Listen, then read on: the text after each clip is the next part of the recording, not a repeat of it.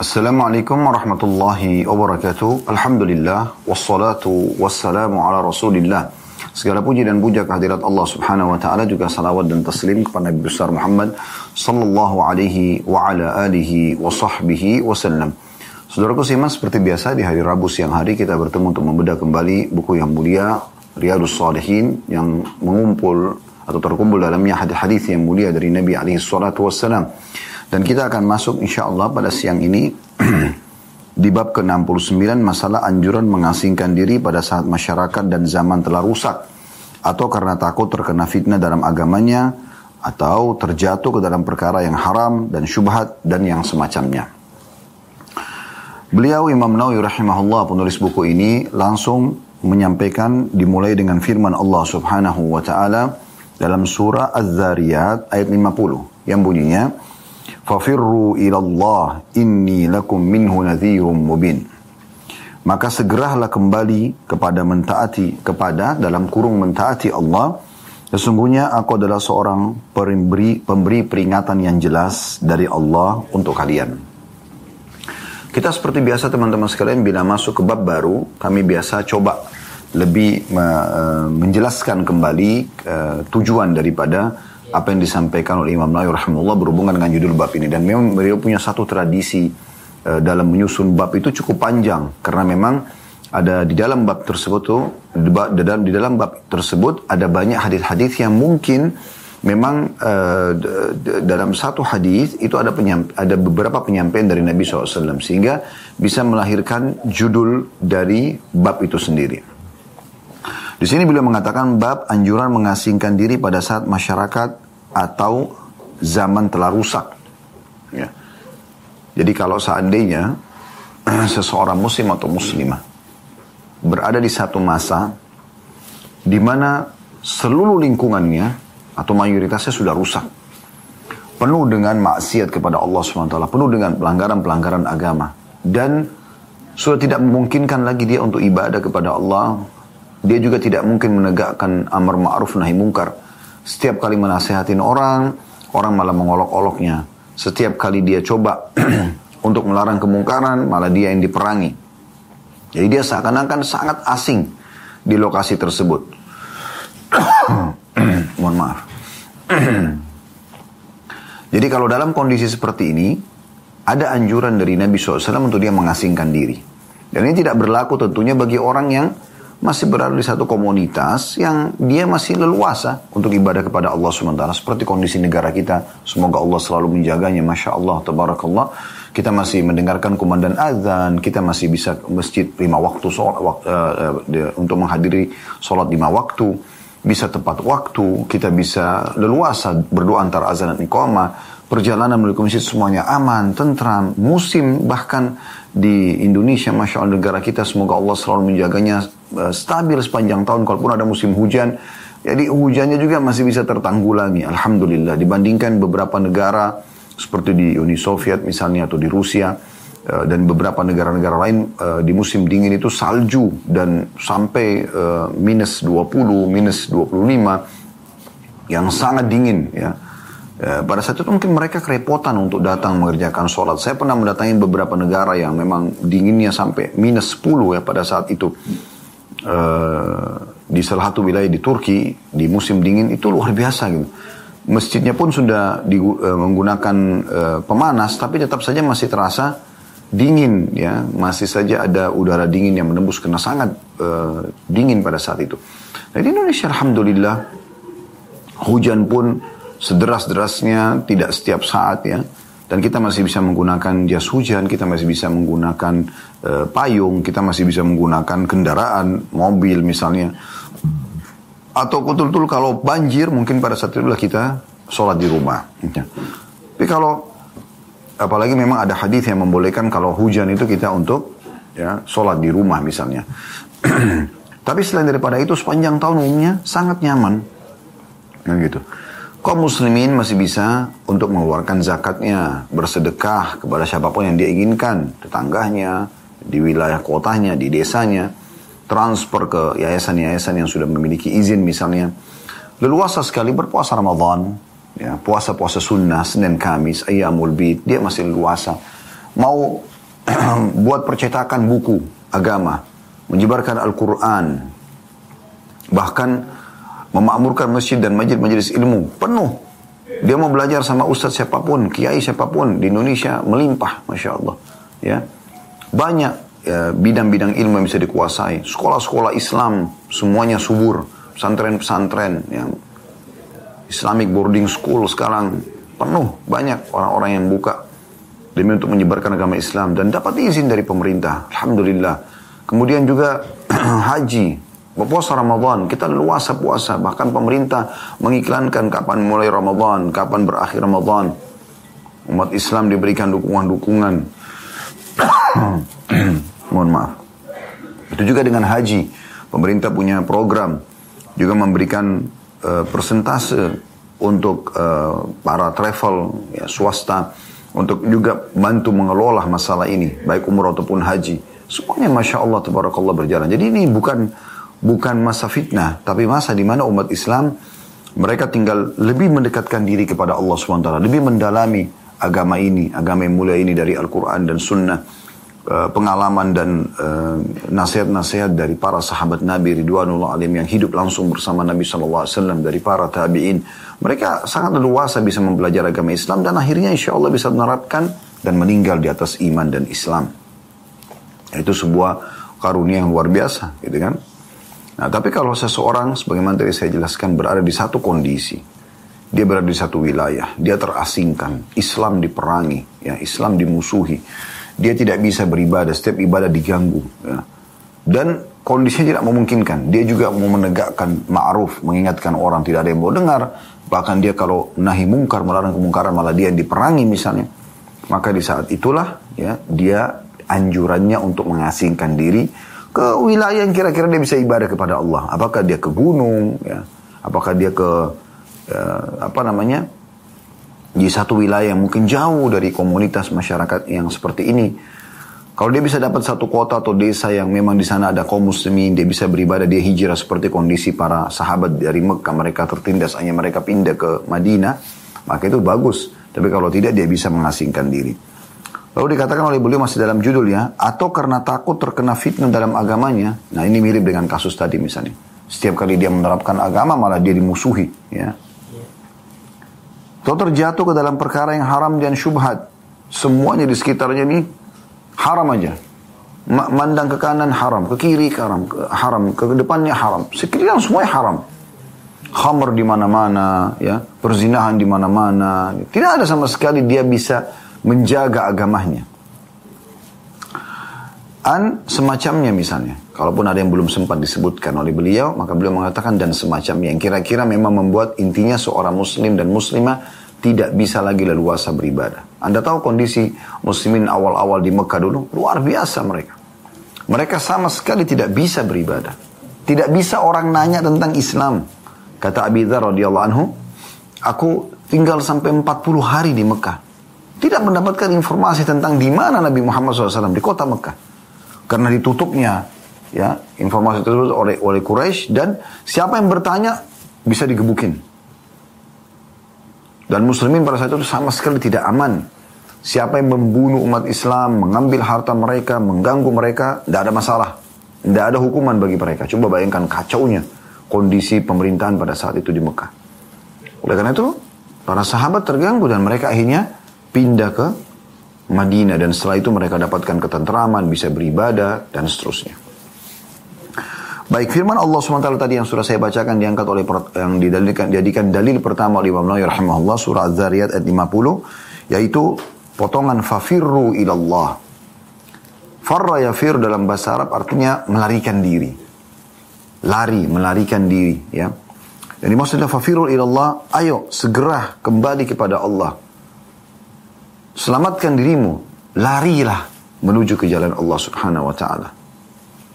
Lalu dikatakan lakum minhu nadhiru mubin. Sesungguhnya kata Nabi SAW, Allah nukil dalam Al-Quran ini, aku adalah seorang pemberi peringatan jelas ya dari Allah untuk kalian. Maksudnya, segera selamatkan karena nanti Allah akan tanya. Allah akan tanya. Kenapa kota pada wilayah itu? Di antaranya juga ada firman Allah SWT mengingatkan tentang nanti ahli neraka yang memang Mereka kesulitan untuk ibadah, tapi mereka tidak mau pindah, tidak mau mencari tempat yang bisa lebih luasa untuk ibadah. mereka ditanya di neraka oleh penjaga neraka, kenapa kalian sampai di sini? Mereka mengatakan, kami mustada'afuna fil ard, kami tertindas di bumi.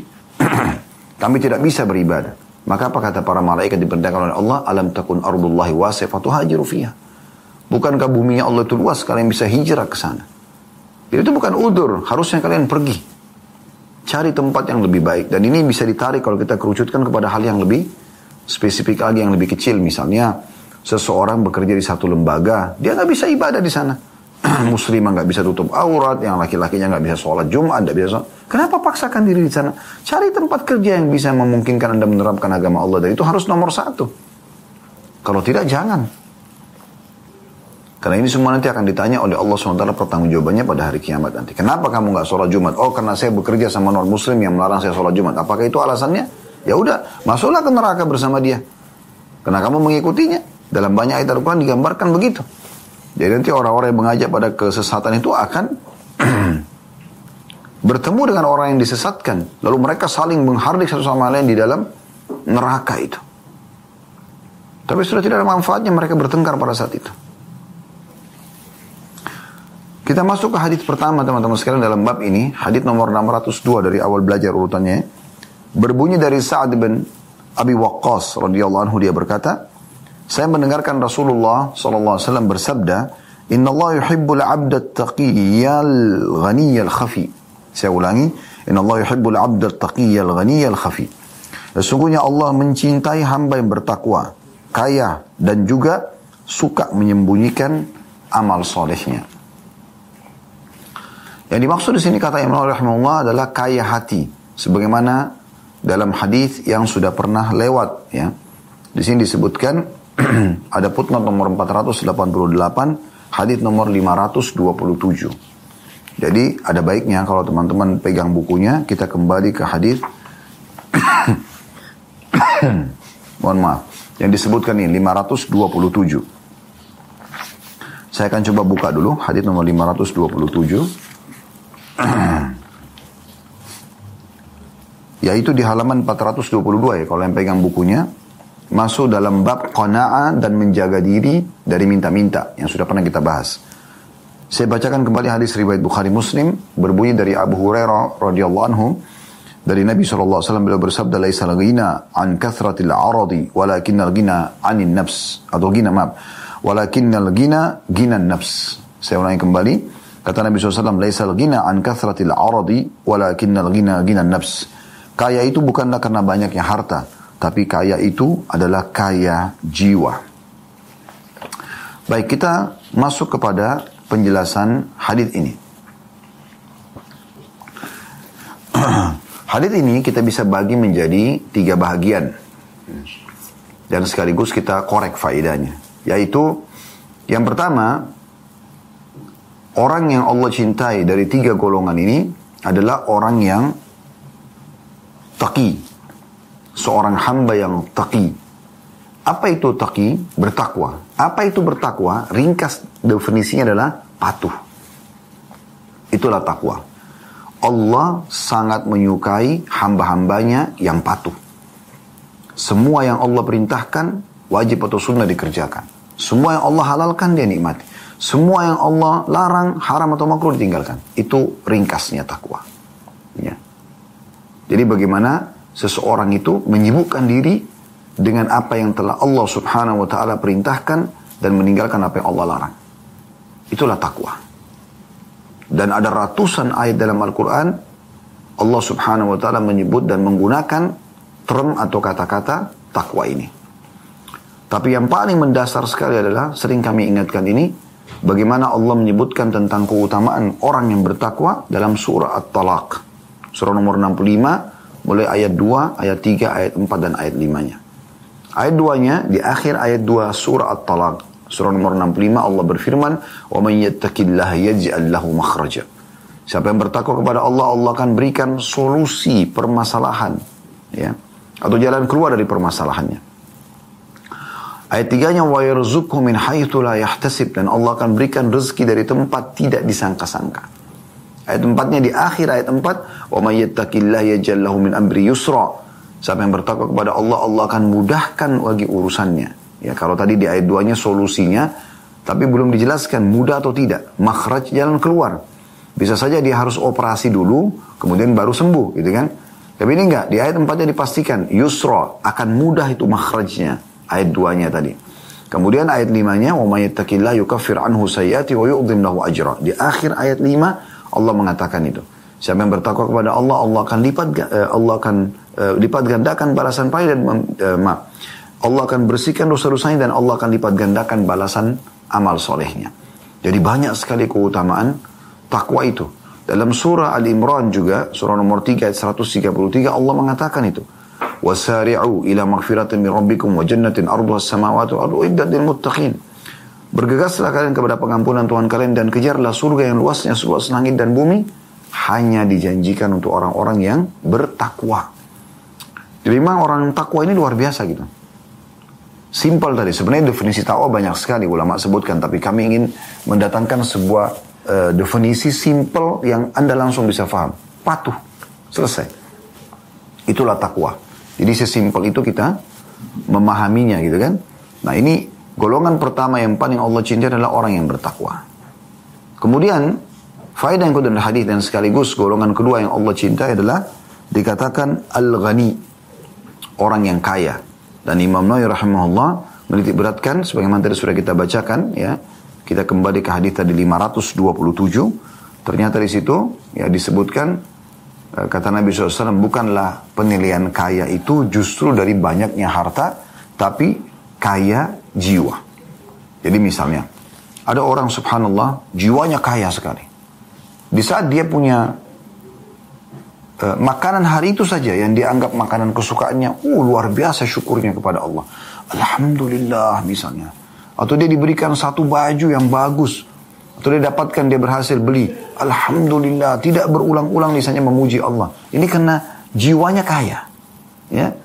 Allah kasih satu orang anak. Alhamdulillah. Anak itu dirawat.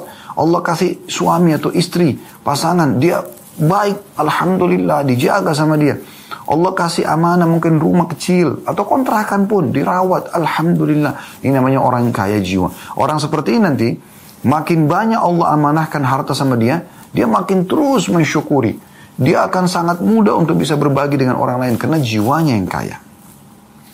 Tapi kalau orang yang miskin jiwa, dia banyak hartanya, kita akan temukan sudah melimpah sekali masih pelit anda mungkin pernah lihat orang-orang yang seperti ini.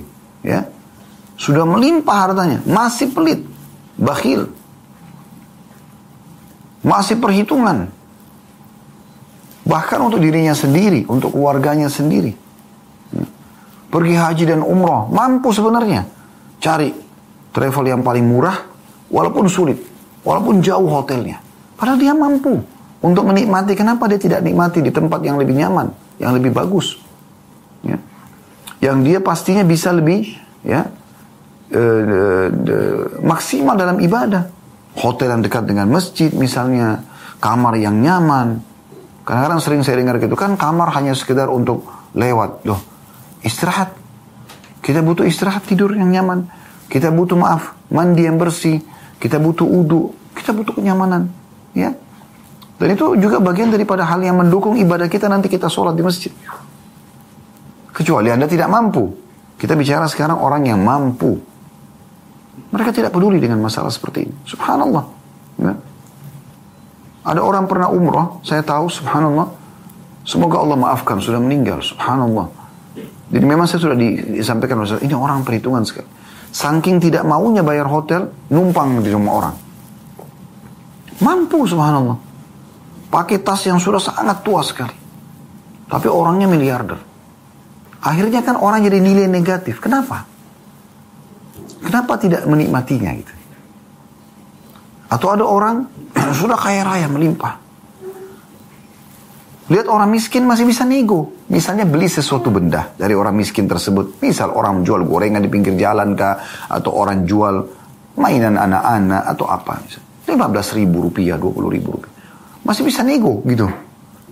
Udah pak, satu gratis di ini atau lah Kalau mungkin orang cuma nanya bisa kurang nggak? Contoh, dia mungkin buka seperti itu misalnya dari 15 ribu mungkin 14 ribu, mungkin, masih. Tapi kalau dari 15 ribu, 5 ribu rupiah tawarnya. Atau dia misalnya bilang uh, beli tiga, misalnya satu gratis gitu. Kadang-kadang subhanallah orang yang miskin yang dagang itu, mereka karena punya kekayaan jiwa gitu, sampai ya sudah nggak apa-apa, nggak masalah. Yang penting dia ada keuntungan seribu dua ribu rupiah. Orang punya kekayaan jiwa, justru orang yang beli ini miskin jiwanya. Padahal dia kalau keluarkan satu juta rupiah pun dia beli yang lima belas ribu itu mungkin bagi dia tidak ada masalah karena uangnya mungkin sudah miliaran di rekeningnya. Kenapa nggak niat bantu orang tersebut? Contoh misal, gitu kan? Menyusahkan diri dengan penampilan yang kelihatan kumuh, menyusahkan diri dengan dengan alasan sederhana. Enggak, keliru. Nabi SAW pakai baju bagus. Beliau punya kuda yang bagus, unta yang bagus. Hidup sederhana di rumah iya. Kalau sudah ada beliau tidak tambah yang lainnya misalnya. Oke, itu betul. Tidak boleh berlebihan ya. Kita kan tidak boleh la ifrat wala tafrid, tidak boleh berlebihan, tidak boleh juga terlalu perhitungan. Nah, gitu. Jadi orang punya jiwa yang kaya di sini. Ya. Jadi kalaupun dia punya kaya raya harta, kita temukan orang itu royal dalam memberikan karena dia memang jiwanya yang kaya. Kemudian yang ketiga yang bisa kita ambil dari hadis ini dan ini sekaligus golongan ketiga yang Allah cintai adalah al-khafi. Dan khafi maksudnya adalah orang yang suka menyembunyikan ya ibadahnya. Nah, ini masuk ini yang potongan inilah yang masuk dalam bahasan judul kita. Maksudnya dia mengasingkan diri pada saat ibadah supaya dia tidak dilihat oleh orang. Ya. Supaya dia bisa leluasa beribadah kepada Allah Subhanahu wa taala. Nah, ini dimaksud dengan khafi. Dan di sini juga bisa masuk dalam makna khafi ini adalah orang-orang yang memang sengaja menyembunyikan amal solehnya. Dia tidak ceritakan, dia tidak ekspos ke orang. Nah ini juga masuk dalam istilah khafi. Baik kita masuk hadis selanjutnya, hadis nomor 603. Dan insya Allah kita akan selesaikan bab ini karena ada 6 hadis sampai 606 ya dengan izin Allah SWT. Hadis 603 atau hadis kedua dalam bab ini dari Abu Sa'id Al-Khudri radhiyallahu anhu dia berkata atau beliau berkata, "Qala rajul ayun nasi afdalu ya Rasulullah?" Qala mu'minun mujahidun bi nafsi wa mali fi sabilillah. Qala thumma man? Qala thumma rajulun mu'tazilun fi syi'bin min asy-syi'abi ya'budu rabbah. Seseorang bertanya, manusia bagaimanakah yang paling utama itu wahai Rasulullah? Maka Nabi SAW menjawab orang mukmin yang berjuang dengan jiwa dan hartanya di jalan Allah. Lalu orang itu bertanya lagi, kemudian siapa setelah itu?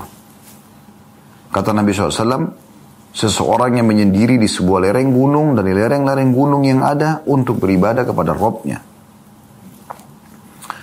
Ada footnote nomor 489 pada saat dijelaskan atau ada potongan dari lereng-lereng gunung tadi. Asyabu adalah jalan setapak yang ada di lereng-lereng gunung atau celah antara dua gunung dan celah yang menjadi aliran air.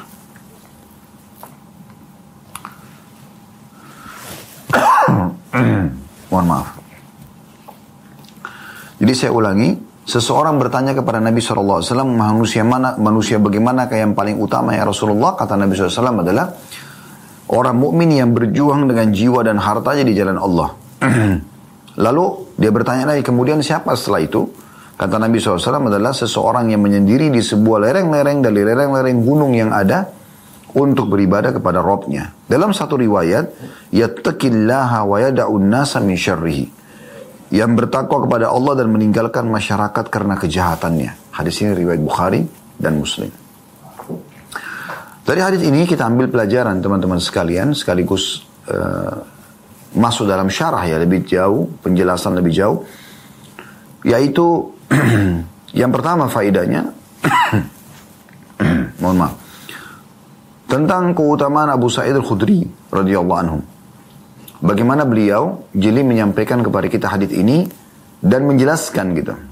Beliau tidak mengambil satu kesimpulan, oh ternyata Nabi kan waktu ditanya oleh orang ini intinya bahasanya ini. Dia tidak mengatakan Rasulullah bersabda begini, langsung masuk ke to the point misalnya. Bahwasanya orang mukmin yang paling afdal yang berjihad di jalan Allah dengan harta dan jiwanya. Lalu kemudian datang setelahnya adalah orang yang mukmin yang menyendiri di lereng-lereng gunung lalu beribadah kepada Robnya karena takut ya dari fitnah atau bahayanya atau kejahatan manusia di masa itu.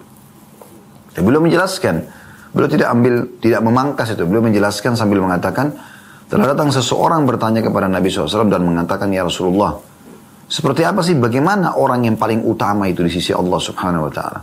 Jadi, apa yang ditanyakan sahabat ini, disampaikan oleh Abu Sa'id al-Khudri. Beliau tidak memangkasnya, menceritakan. Dan ini satu kejelian yang luar biasa gitu. Kemudian, yang kedua yang bisa kita ambil adalah tentang manusia yang paling afdal di sisi Allah Subhanahu wa taala. Orang yang menghabiskan jiwa dan hartanya.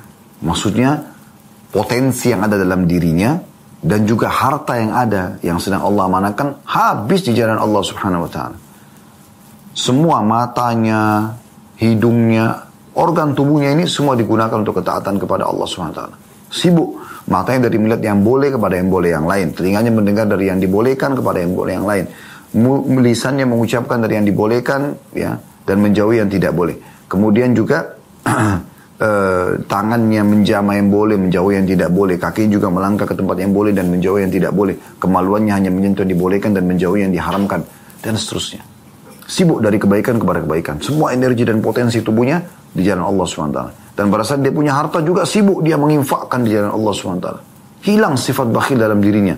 Selalu tujuannya untuk jalan Allah taala. Ini manusia yang paling utama. Ya. Dan ini sesuai dengan sabda Nabi SAW yang lain yang pernah kita bahas ya. Manusia ada empat golongan. Yang pertama adalah yang Allah karunia ilmu dan harta. Lalu dihabiskan keduanya di jalan Allah. Ini kata Nabi SAW, bi afdalil manazil. Ini kedudukan yang paling tinggi. Yaitu orang yang punya ilmu dan harta. Dia ilmu, dia punya ilmu kemudian dihabiskan jalan Allah. Dia juga punya harta dihabiskan jalan Allah. Ya. Kemudian manusia yang dikaruniai ilmu tapi tidak punya harta. Lalu dia mengatakan dengan tulus niat, ya Allah kalau seandainya kau karuniakan aku seperti fulan punya harta juga yang sibuk menginfakkan itu saya juga akan buat yang sama. Dia sadikun niyah, dia jujur dengan niatnya. Benar-benar dia minta seperti itu. Artinya kalau Allah kasih dia harta, dia akan melakukan betul dengan tulus, maka sama-sama pahalanya. Orang ketiga yang Allah karuniai harta tanpa ilmu. Ya, dia punya harta tapi tidak punya ilmu. Ya. Terus kemudian dihabiskan hartanya jalan maksiat. Ini dosa nggak boleh, buruk ini. Kemudian yang, ke, yang keempat yang terakhir adalah orang yang paling buruk yaitu orang yang tidak punya ilmu dan harta lalu dia ikuti golongan ketiga. Dia mengatakan kalau seandainya saya juga punya uang saya akan ikuti orang ini. Maksudnya membangun diskotik bar tempat maksiat maka sama dosanya. Tapi saksi bahasan kita adalah golongan pertama. Kemudian pelajaran ketiga dari hadis adalah ini yang jadi saksi bahasan kita. Kalau seandainya seseorang sebagaimana sudah kami jelaskan panjang lebar tadi di awal di mukaddimah tentang judul bab kalau seseorang mukmin atau mukminah tidak bisa mendapatkan keleluasan dalam beribadah di tempat dia tinggal di desanya di kotanya di negaranya maka dia pergi menyendiri mencari tempat di mana dia bisa untuk beribadah kepada Allah Subhanahu wa taala. Kalau dia temukan satu kota, satu wilayah seperti penduduk Makkah dulu muslimin yang dikenal dengan muhajirin dari Mekah hijrah ke Madinah, mereka bisa temukan tempat mereka bisa hijrah itu bagus. Kalau mereka tidak bisa, maka mereka bisa mencari lereng-lereng gunung. Kenapa Nabi SAW berikan gambaran lereng gunung? Karena tidak ada penghuninya. Dia tinggal pergi ke sana, yang penting dia bisa hidup, mungkin dia bercocok tanam sendirian di situ, dia ada sumber mata air, dia bisa hidup, dia bangun rumah sederhana, bahwa dia, dia menyembah Allah sampai dia wafat. Maka itu termasuk yang ya manusia yang baik, yang utama. Sebab dia tahu akan Allah akan tanya pada hari kiamat nanti. Tentu ini sekali lagi di saat tidak ada lagi tempat dia untuk beribadah kepada Allah subhanahu wa ta'ala kecuali tempat tersebut. Hadis selanjutnya 604.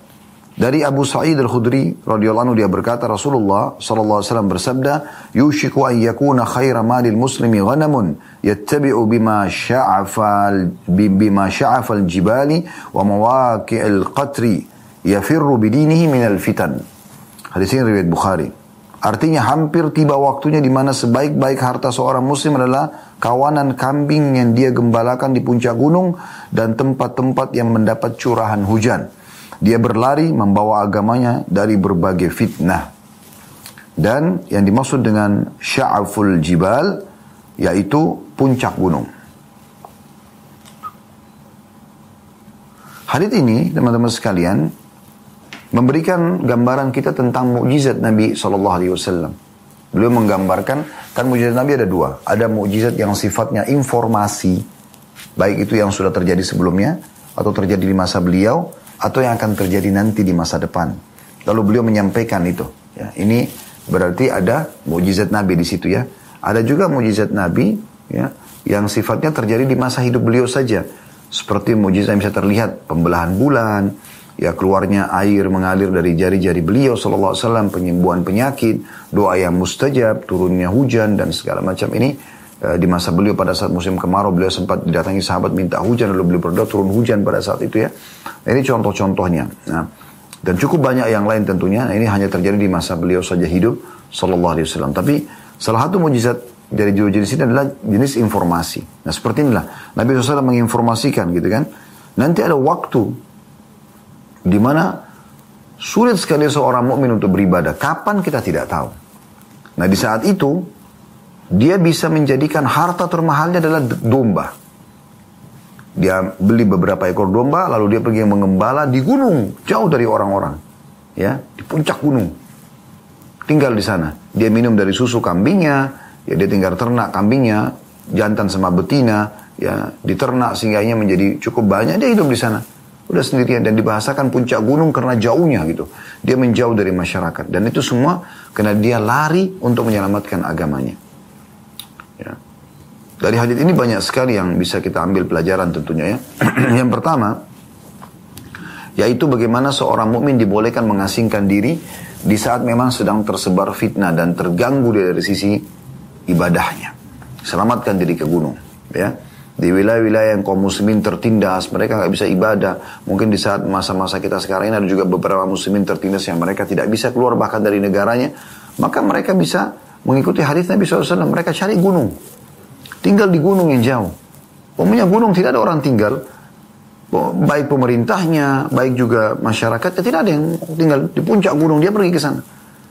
Andalannya cuma on, kambing, domba kalau ada. Kalau nggak ada ya sudah, dia selamatkan dirinya. Dia bisa hidup dari pepohonan-pepohonan yang Allah hidupkan di sana, mata air yang ada di sana gitu kan. Karena di sini disebutkan seperti itu. Tempat yang Allah turunkan curah hujan cukup buat dia hidup. Ya. Dia bisa adaptasi dengan lokasi itu. Maka ini pelajaran pertama bisa diambil nantinya di saat orang mukmin ya terdesak mereka tidak bisa lagi untuk beribadah kepada Allah, mereka bisa menyelamatkan diri ke tempat-tempat seperti ini. Kemudian yang kedua yang bisa diambil pelajaran adalah bahwasanya domba termasuk harta yang terbaik bagi seorang mukmin. Walaupun ini dihubungkan dengan kalau kita bahas secara detail atau spesifik hadis ini, itu berarti di masa itu, di masa orang susah sekali untuk menyelamatkan diri, eh, menyelamatkan agamanya, maka dia bisa menjadikan domba sebagai harta terbaiknya. Tapi ini juga bisa tetap ditarik secara global. Artinya kalau seorang mukmin ingin mencari rezeki juga bisa mencari dari domba tersebut ya. Dan kita juga tahu hadis Nabi SAW tidak ada seorang nabi pun kecuali pasti pernah mengembala domba ya. Karena di situ ada banyak hikmah yang bisa diambil. Dengan mengembala domba kita bisa bertafakur di alam semesta dengan ciptaan Allah Subhanahu Wa Taala. Eh, domba juga hewan yang lebih jauh lebih bersabar terus makan bersama-sama mengelompok ya. Nah ini semua ada banyak pelajaran-pelajaran yang bisa diambil. Makanya semua nabi-nabi Allah Subhanahu Wa Taala pasti pernah mengembala domba sebagaimana penyampaian baginda Nabi alaihi salatu wassalam. Pelajaran yang ketiga adalah pentingnya seseorang mukmin ya, untuk menyelamatkan agamanya ya, dan tempat yang terbaik adalah gunung ya karena selalu dibahasakan gunung karena gunung ini umumnya apalagi kalau sampai ke puncak gunung itu juga jarang ada hewan ya kebanyakan di lereng gunung ya di daerah di gunung ini ada tapi jarang gitu. Dan apalagi kuasa Allah Subhanahu wa taala hampir rata-rata gunung-gunung itu ada saja sumber mata air. Entah bagaimana kuasa Allah Subhanahu wa taala. Kami pernah waktu masih kuliah di Madinah dulu, diajak oleh beberapa teman orang Saudi, kami masuk ke dalam padang pasir di gunung-gunung batu. Ya, bahkan mungkin pohon pun jarang kami lihat di sana. Tapi teman-teman ini mengajak kami masuk di antara gunung-gunung naik cukup tinggi ke atas. Subhanallah ditemukan sana ada sumber mata air. Di gunung batu, subhanallah. Airnya bersih, jernih, sejuk gitu kan. Dan kita dari situ pemandangan ke luasnya padang pasir, gunung-gunung itu nampak indah sekali. Subhanallah. Ini saya lihat sendiri depan mata kepala saya, dengan mata kepala saya gitu, ya. Jadi memang subhanallah apa yang Nabi SAW bahasakan ini, itu tentang masalah gunung itu benar, itu gunung-gunung batu, apalagi kalau gunung-gunung yang seperti kayak kita di Indonesia yang sangat subur ya. Ya Masya Allah, semua bisa ya. Dan seseorang kalau terganggu agamanya dia bisa tinggal di sana, tidak ada yang mengganggunya. Tanah itu dianggap milik pemerintah, orang bisa tinggalin tentu. Asal dia tidak tidak mengganggu ya. Karena di sini kan jelas orang mukmin ini dia bukan mau mengganggu, bukan mau mencuri lahan, bukan. Bukan mau mengambil lahan pemerintah, bukan. Dia pergi ke sendirian ke gunung, bukan untuk berbisnis, bukan untuk menguasai lahan, tidak. Hanya untuk menyelamatkan agamanya. Lokasi yang dia pakai juga kecil buat dia sendiri saja. Nah ini yang dimaksudkan dalam hadis ini. Teman-teman sekarang kita lanjutkan insya Allah dua buah hadis yang tersisa dalam bab kita ini. Hadis nomor 605 yang berbunyi dari Abu Hurairah radhiyallahu anhu dari Nabi SAW beliau bersabda ما بعث الله نبيا إلا رعى الغنم فقال أصحابه وأنت قال نعم كنت أرعاها على قراريط على قراطيط قراريط لأهل مكة Hadis ini riwayat Bukhari. Terjemahannya, Allah tidak mengutus seorang nabi melainkan dia pernah mengembala kambing. Para sahabat beliau bertanya, engkau juga ya Rasulullah? Kata Nabi SAW, iya, saya pernah mengembalanya dengan upah beberapa persen atau beberapa peser dirham milik penduduk Mekah. Hadis ini, teman-teman sekalian, yang diriwayatkan oleh Imam Bukhari, menguatkan apa yang tadi kita sempat sampaikan sebelum jeda iklan. Ya, Kalau semua nabi-nabi pernah mengembala kambing. Dan Nabi SAW pun mengatakan, saya pernah mengembala kambing-kambing atau domba penduduk Mekah dengan upah beberapa peser dirham. Dan itu bukan aib. Di sini teman-teman sekalian, banyak orang mungkin menganggap dengan mengembala kambing adalah perbuatan atau amal yang atau kegiatan lah ya, yang mungkin tanda kutip tidak semua orang mungkin mau melakukannya. Padahal sebenarnya atau melakukannya. Padahal sebenarnya dia perbuatan yang mulia. Itu adalah perbuatan semua nabi-nabi. Tidak ada yang aib. Bahkan ada negara sekarang, seperti kita tahu Australia, menjadikan peternakan kambing atau domba itu adalah sumber negara mereka. Hampir ya, seluruh dunia kebutuhan domba mereka itu ada domba Australia. Di Indonesia pun ada. Di musim Idul Adha, kami punya ada Adhafam, ya Allah manahkan uh, perusahaan yang bergerak untuk mengelola uh, apa namanya proses domba ya ini. Untuk Idul Adha dan yang lainnya. Itu ada domba-domba Australia. Harganya juga mahal gemuk-gemuk gitu kan. Dengan berbagai macam nama lah biasa mereka sebutkan saya tidak perlu sebutkan di sini. Tapi jelas ada sampai satu, ada sampai negara menjadikan sebagai sumber pendapatan. Apalagi cuma individual, gitu ya. Berarti bukan aib orang itu menjadi peternak hewan ternak ini dan Allah sebutkan dalam surah Al-An'am hewan-hewan ternak. Walaupun di situ masuk semuanya unta, sapi dan kambing atau domba, tapi domba ini punya ciri khas tersendiri. Kalau tidak tidak mungkin Allah Subhanahu wa taala memilih dia sebagai salah satu ajang pelatihan untuk para nabi-nabi dan utusan. Karena makna daripada tidak ada satupun ya, kata Nabi SAW, ma ba'athallahu nabiyan, tidak ada satupun nabi yang Allah utus illa ra'al ganam, kecuali pasti pernah mengembala kambing atau domba. Kenapa dijadikan semua nabi-nabi? Kenapa mereka semua harus melakukan itu? Karena ada ajang pelatihan di situ tanda kutip. Tadi sudah saya bilang pada saat mereka berada di sebuah lapangan yang luas, mengembalakan dombanya misalnya di rumputan yang mereka sibuk makan apalagi kalau domba ini makan lama gitu kan maka mereka bisa bertafakur melihat ciptaan Allah Subhanahu wa taala di alam semesta ini mengambil pelajaran cukup banyak di situ dari hadis ini kita ambil pelajaran yang pertama bahwasanya semua nabi-nabi mengembala domba atau kambing Dan ini sudah kita jelaskan tadi hikmah-hikmahnya. Kemudian yang kedua, kalau mengembala kambing itu bukanlah sesuatu yang aib. Dan dia bisa menjadi sumber pendapatan seorang muslim. Ya. Walaupun boleh dia berdagang apa saja yang halal. Tapi penyebutan dari Nabi SAW beliau mengatakan, sesungguhnya ya, saya pun waktu ditanya oleh para sahabat, Anda juga pernah mengembala kambing? Kata Nabi SAW, ya saya mengembala kami. Dan saya bahkan mengambil upah beberapa peser dirham dari penduduk Mekah. Berarti itu bukan aib, apanya yang salah? Nggak ada yang salah di situ. Apalagi kambing ini memang ya punya kedudukan tersendiri tentunya ya. Kita tahu ada dalam Islam ada uh, hadis tentang Nabi SAW senang sekali memakan paha kambing. Kemudian uh, kita ada akikah ya kita rasa kita dianjurkan untuk menyembeli domba atau kambing. Kita ada idul adha, memang boleh unta sama sapi, tapi juga Nabi SAW pernah berkurban dengan dua ekor domba jantan ya. Nabi Ismail AS tidak jadi disembeli dan diganti oleh Allah SWT dengan domba, kan gitu.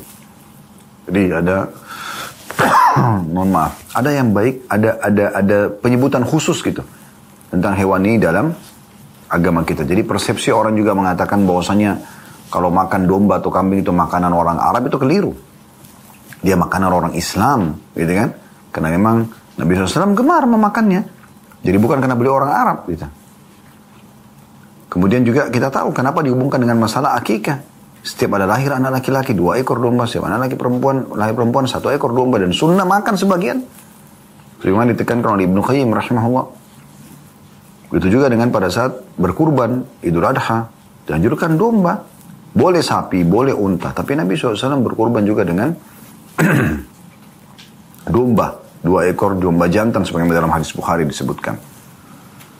Hadis yang terakhir dalam bab kita hadis nomor 606 dari Abu Hurairah radhiyallahu anhu dari Nabi SAW beliau bersabda min khairi ma'ashin nasi uh, min khairi ma'ashin nasi lahum rajulun mumsikun inana farasihi fi sabilillah يطير على متنه كلما سمع هيعة أو فزعة طار عليه يبتغي القتل أو الموت ما ظنه ما ظناه ما ما ما ظن ما ظنه أو رجل في جنيمة في رأس شعفة من هذه الشعف أو بطن واد من هذه الأودية يقيم الصلاة ويؤتي الزكاة ويعبد ربه حتى يأتيه اليقين laisa minan nasi illa fi khair. Artinya, di antara kehidupan manusia yang terbaik adalah seseorang yang memegang kendali kudanya di jalan Allah yang selalu bersegera naik ke atas punggungnya. Setiap kali dia mendengar suara peperangan atau sejenisnya, dia langsung melompat ke atas kudanya agar terbunuh atau untuk mencari kematian pada tempat yang disangkanya ada kematian di situ. atau seseorang yang mengembala sedikit kambing di atas satu puncak dari puncak-puncak gunung ini atau dalam sebuah lembah atau dari lembah-lembah ini dia menegakkan sholat, membayar zakat dan beribadah kepada Tuhannya hingga ajal menjemputnya. Tidak ada hubungan dengan manusia sedikit pun kecuali dengan kebaikan. Diriwayatkan oleh Imam Muslim. Hadith ini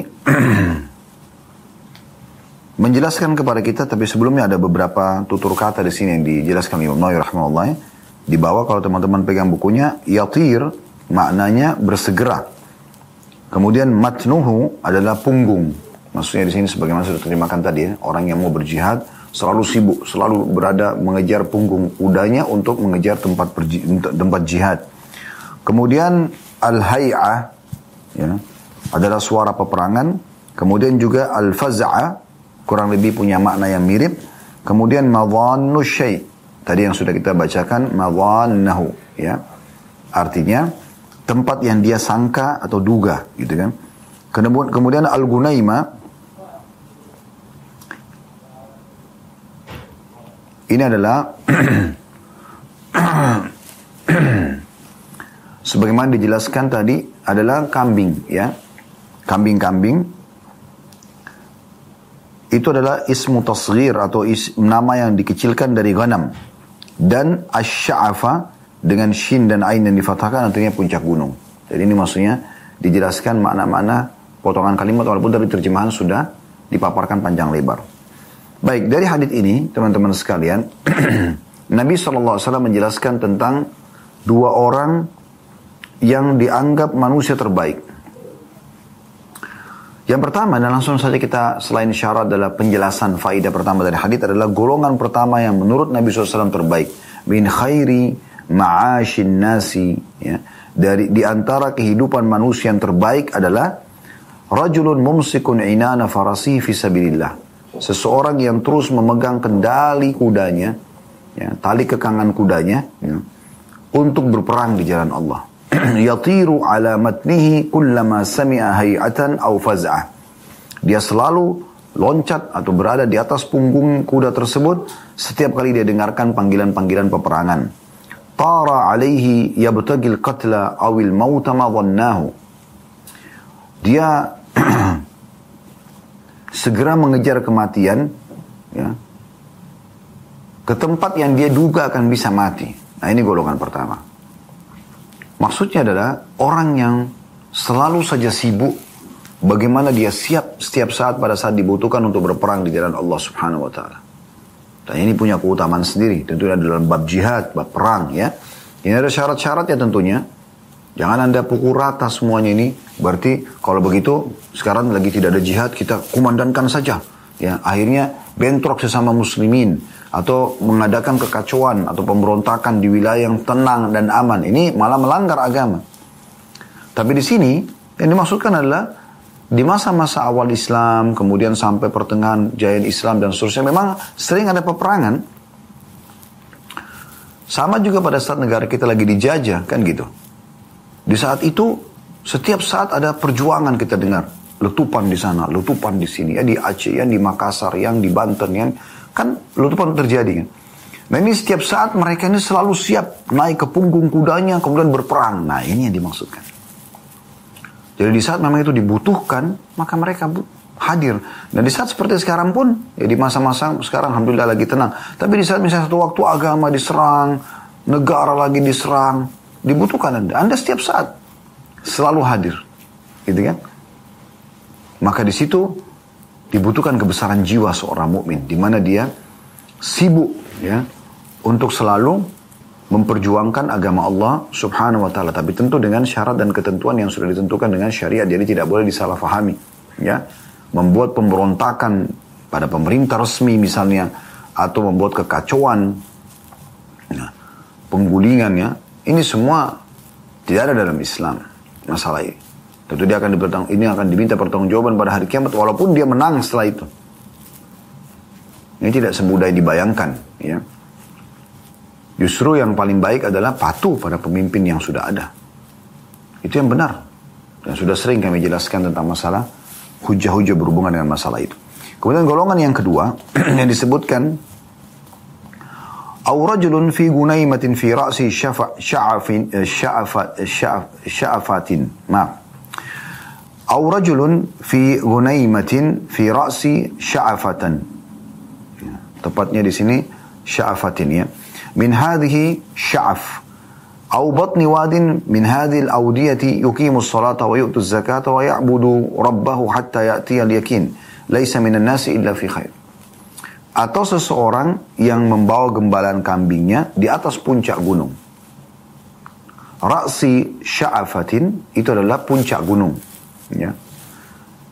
Datau di lembah-lembah awadin min hadil audiyah, lembah-lembah. Dia bawa gembalan-gembalannya ke sana.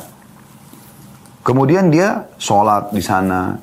Dan pada saat gembalanya sudah banyak, dia tunaikan zakatnya dari domba-domba itu. Dan dia menyembah Tuhannya. Sampai datang ajalnya. Sehingga dia tidak interaksi pada orang-orang dengan orang-orang kecuali hanya kebaikan saja. Karena orang kalau datang kepada pengembala kambing, beli kambingnya.